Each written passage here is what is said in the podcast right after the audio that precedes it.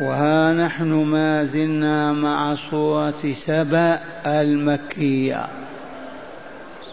والمكيات من كتاب الله يعالجن العقيدة لتصحيحها وإيجاد عقيدة سليمة صحيحة يصبح صاحبها حيا كامل الحياة يسمع ويبصر ويعطي ويأخذ ويذهب ويجيء. وفاقد العقيدة السليمة الصحيحة ميت لا يسمع ولا يبصر ولا يعطي ولا يأخذ. ولهذا لا نأمره بصلاة ولا بصيام ولا ببر الوالدين ولا بجهاد ولا رباط لأنه ميت. أنفخ فيه الروح فيقول أشهد أن لا إله إلا الله وأشهد أن محمدا رسول الله ثم في نفس الوقت مره بالغسل يغتسل وبالصلاة يصلي وغدا بالصيام يصوم لأنه حي. وهذه الحقيقة التي ما ننساها وهي أن الإيمان الصحيح بمثابة الروح صاحبه حي وفاقده ميت. وأعظم أركان هذه العقيدة الستة التوحيد والنبوة والبعث الآخر. ولهذا أكثر ما في صور المكية تقرير هذه الحقائق الثلاثة التوحيد والنبوة والبعث الآخر. وها نحن مع هذه الآيات الست فهيا بنا أو السبع نصغي مستمعين تلاوتها. مجودة مرتلة من أحد الصلحاء ثم نتدارسها. والله تعالى نسأل أن ينفعنا بما ندرس ونسمع إنه ولي ذلك والقادر عليه. أعوذ بالله من الشيطان الرجيم. قل من يرزقكم من السماوات والارض قل الله وأنا أو اياكم لعلى هدى أو في ضلال مبين قل لا تسألون عما أجرمنا ولا نسأل عما تعملون. قل يجمع بيننا ربنا ثم يفتح بيننا بالحق وهو الفتاح العليم. قل أروني الذين ألحقتم به شركاء كلا بل هو الله قل أروني. قل أروني الذين ألحقتم به شركاء كلا بل هو الله العزيز الحكيم وما أرسلناك إلا كافة للناس بشيرا ونذيرا بشيرا ونذيرا ولكن أكثر الناس لا يعلمون ويقولون متى هذا الوعد إن كنتم صادقين قل لكم ميعاد يوم لا تستأخرون عنه ساعة ولا تستقدمون. أحسنت. معاشر المستمعين والمستمعات من المؤمنين والمؤمنات. قول ربنا جل ذكره قل من يرزقكم من السماوات والأرض. يا رسولنا قل لهؤلاء الكافرين المشركين الملاحدة قل لهم بأسلوب ماذا؟ أسلوب فوق ما تتصور. من أجل أن يجذب قلوبهم أن ينتزع تلك الغفلة والغشية على قلوبهم. قل لهم من يرزقكم من السماوات والأرض؟ يقولون اللات العزى. من؟ من يرزقكم من السماوات من يرسل رياحا تسوق السحب والأمطار وتنزل, وتنزل الأمطار وتنبت الأرض النباتات وتكثر فيها الحيوانات فتجدون مآكلكم مشاربكم لحما وطعاما وما إلى ذلك. من يفعل هذا؟ غير الله. من يرزقكم من السماوات؟ بإنزال المطر ومن الأرض بالنباتات والأعشاب والحبوب والثمار والحيوانات. من يفعل هذا؟ يستطيعون يقولون اللات أو العزى. نقول الحسن والحسين. من؟ قل الله. إذ لا جواب إلا هذا. قل الله وحده الذي يرزق عباده. فهذه الأرزاق التي يعيشها الناس كلها من الله هو موجدها هو خالقها هو موجد أسبابها هو هو هو لا رسول ولا ملك ولا نبي ولا ولي ولا ولا ولا فضلا عن الأشجار والأحجار والأصنام والتماثيل. هذا الأسلوب يجذبهم إلى أن يصغوا ويسمعوا وهم متعنتون ومتجبرون.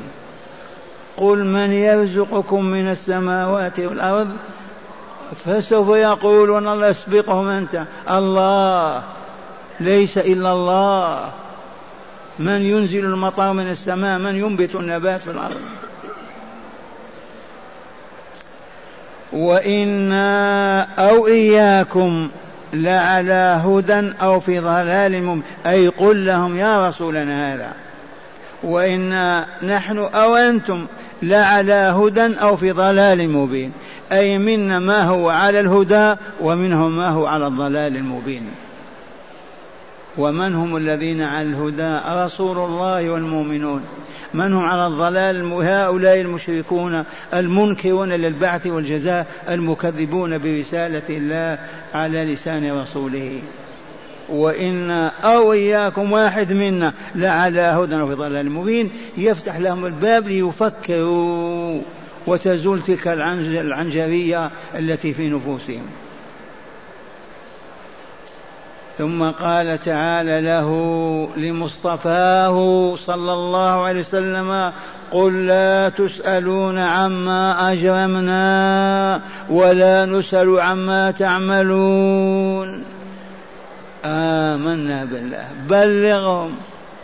ماذا؟ أننا لا أنكم لا تسألون عما أجرمنا. إن نحن أجرمنا وتأثمنا وفعلنا الذنوب كذا. ما تسألون عن إجرامنا أبدا. ونحن أيضا لا نسأل عما تعملون من الباطل والشر والفساد والشرك والكفر. وهو والله كذلك. أسلوب عجب. حتى ينجذبوا ويصغوا. كانوا ما يريد أن يسمعوا.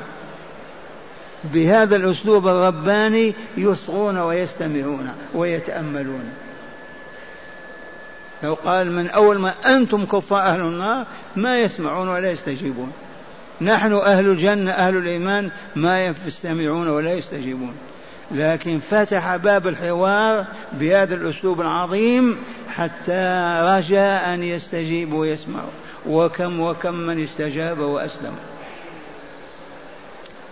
قل يا يا رسولنا لهم لا تسألون أي لا يسألكم الله عز وجل لا يسألنا الله تعالى عما أجرمنا ولا نسأل نحن عما تعملون. ما يقول ربنا لماذا فعلوا الجرائم وأنتم موجودون؟ ما نسأل. وهذه قاعدة عامة.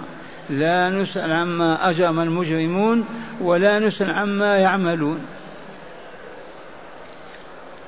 لا تسألون أيها المشركون أيها الكافرون عن ماذا؟ عن إجرامنا. إن أجرمنا نحن والله ما أجرم رسول ولا أصحابه ولكن من باب فقط فتح الباب للتأمل. ولا نسأل نحن يوم القيامة عما تعملون أبدا ولا نقول لماذا ولماذا تركتموهم يفعلون ويفعلون ثم قال له قل يا رسولنا قل ماذا؟ قل يجمع بيننا ربنا يوم القيامة في أرض واحدة على صعيد واحد. يجمع بيننا ربنا ثم يفتح بيننا بالحق أي يحكم بيننا بالحق وهو الفتاح العليم. بلغهم هذا هذه الدعوة إلى الإيمان بالبعث والدار الآخرة. ذي أجزاؤها. أولا التوحيد وهنا الإيمان بالبعث والدار الآخرة.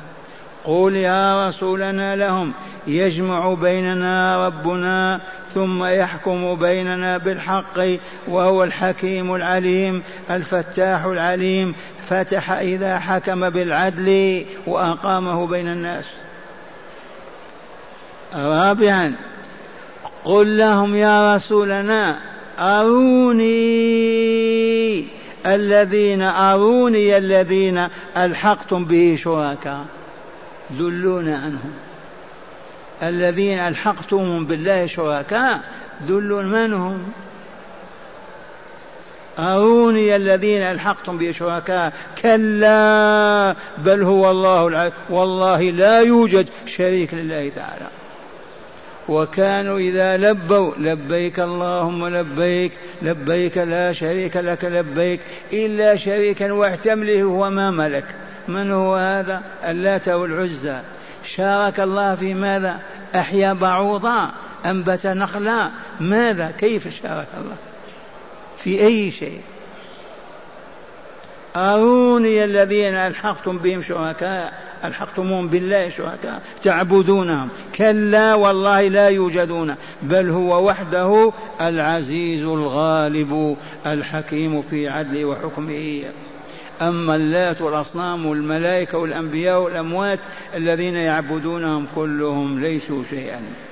الأمر لله وحده.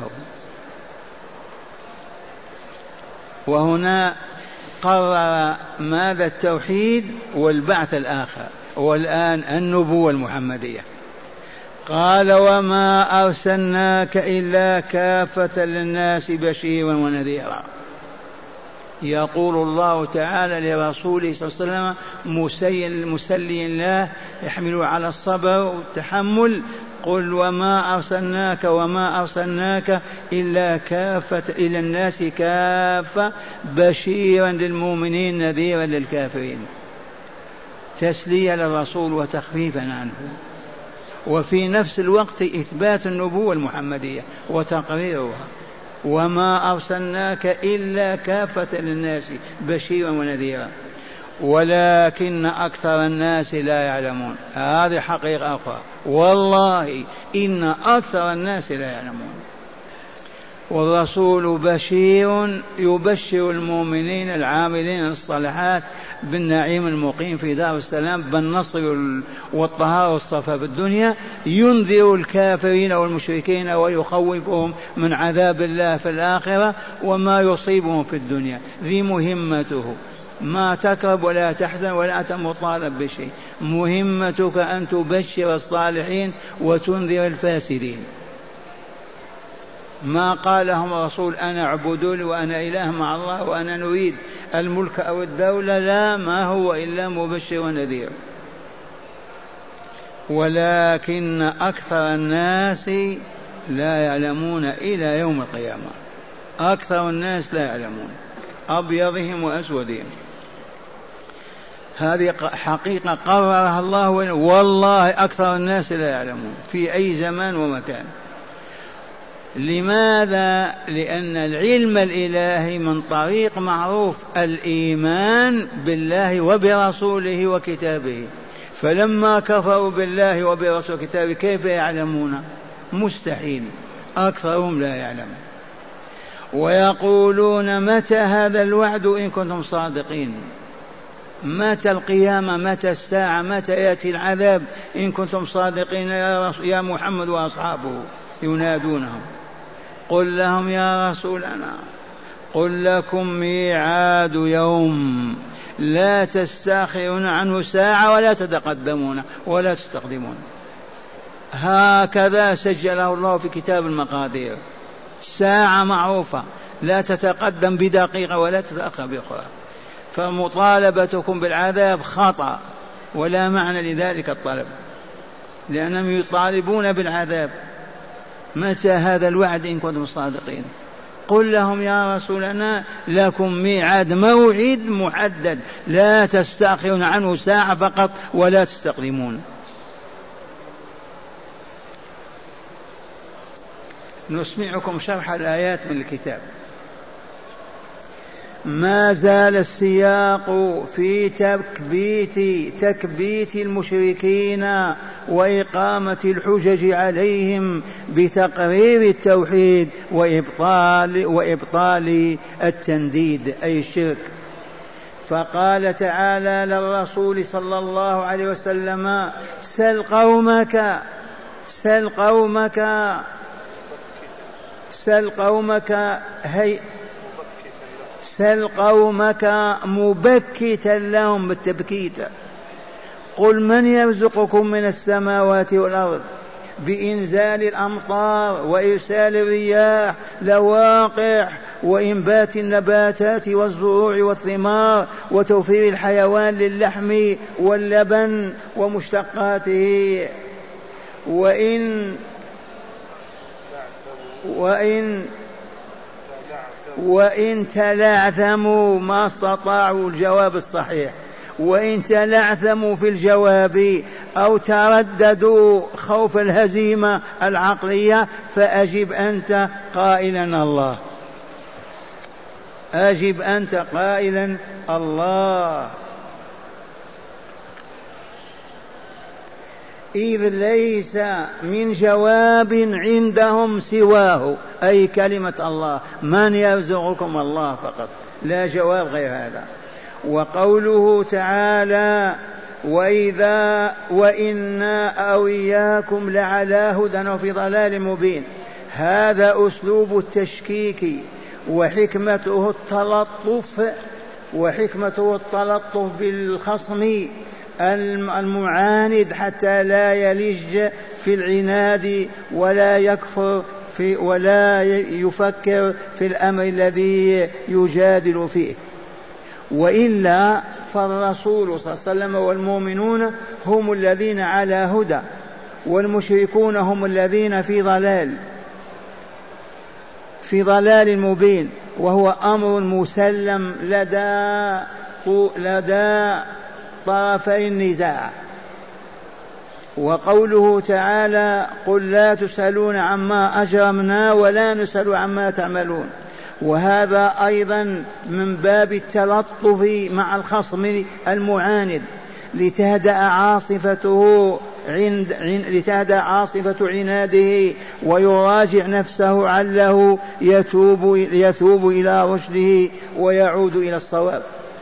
فقوله تعالى لا تسألون عما أجرمنا هو حق فإنهم لا يسألون عن ذنوب الرسول والمؤمنين ولا ولكن الرسول والمؤمنين لا ذنب لهم وإنما هو من باب التلطف في الخطاب.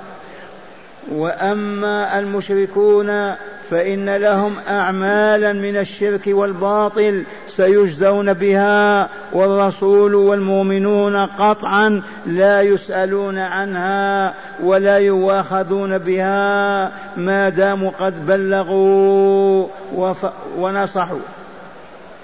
وقوله تعالى قل قل يجمع بيننا ربنا أي يوم القيامة.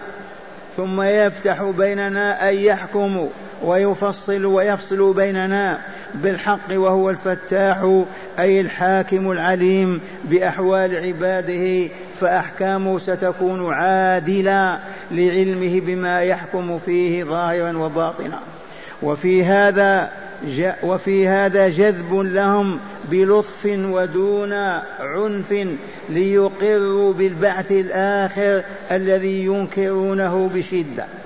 وقوله قل أروني الذين ألحقتم به شركاء أي قل يا رسولنا لهؤلاء المشركين أروني آلهتكم التي أشركتموها بالله وألحقتموها به وقلتم في تلبيتكم لبيك اللهم لبيك لبيك لا شريك لك لبيك إلا شريكا هو لك تملكه وما ملك.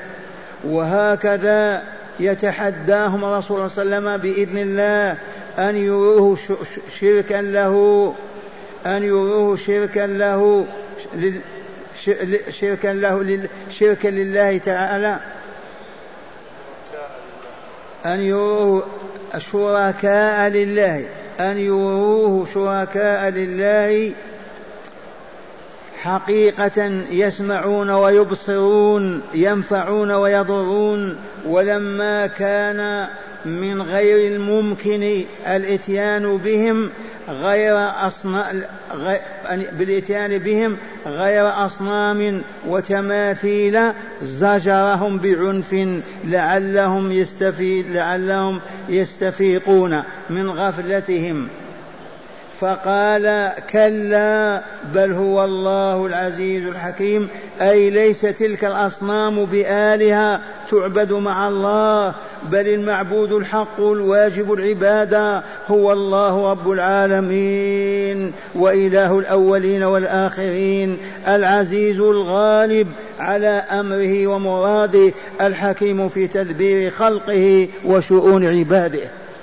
وقوله تعالى وما أرسلناك إلا كافة الناس بشيرا ونذيرا.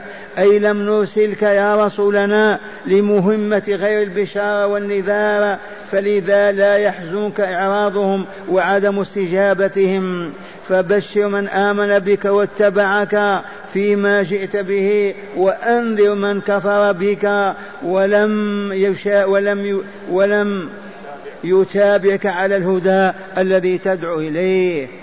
وقوله تعالى ولكن أكثر الناس لا يعلمون فيه تعزية لرسول الله صلى الله عليه وسلم أيضا. إذ الواقع أن أكثر الناس لا يعلمون. إذ لو علموا لما ترددوا في عبادة الله وتوحيده والتقرب إليه.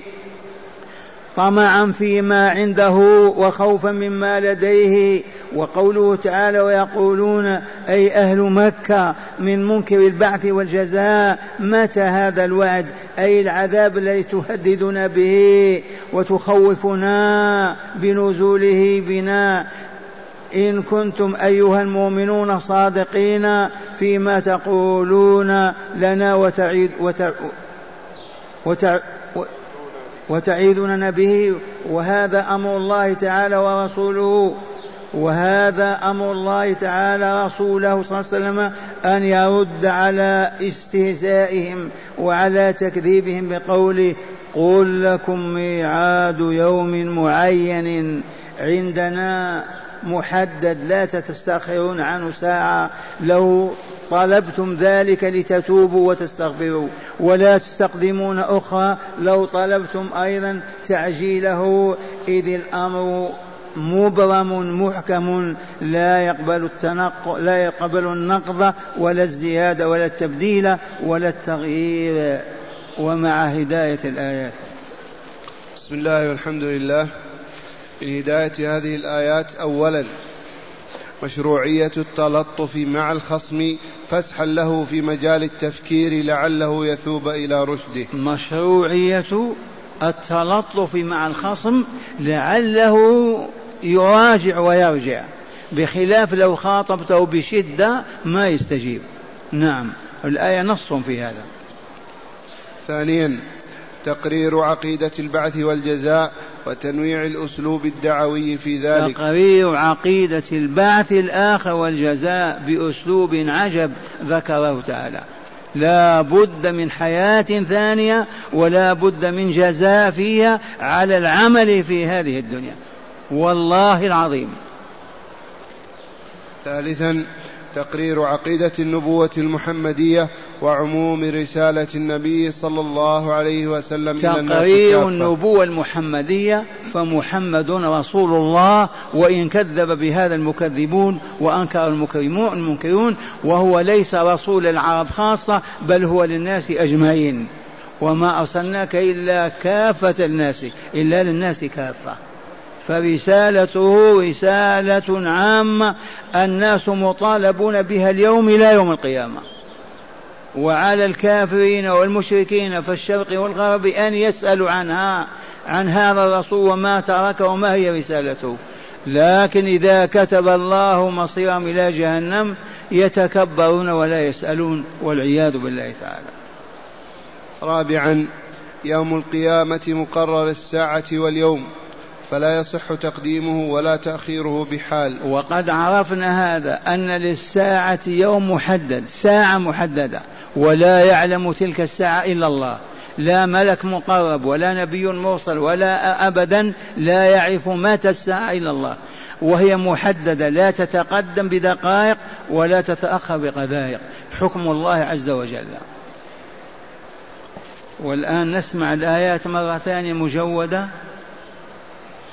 أعوذ بالله من الشيطان الرجيم.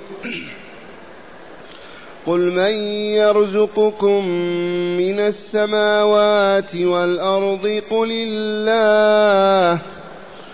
وإنا أو إياكم لعلى هدى أو في ضلال مبين. قل لا تسألون عما أجرمنا ولا نسأل عما تعملون.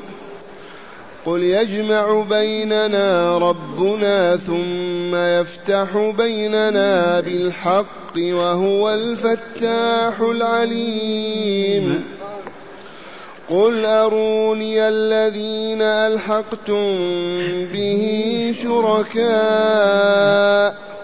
كلا بل هو الله العزيز الحكيم وما أرسلناك إلا كافة للناس بشيرا ونذيرا بشيرا ونذيرا ولكن أكثر الناس لا يعلمون ويقولون متى هذا الوعد إن كنتم صادقين قل لكم ميعاد يوم لا تستأخرون عنه ساعة لا تستأخرون عنه ساعة ولا تستقدمون. أحسنت.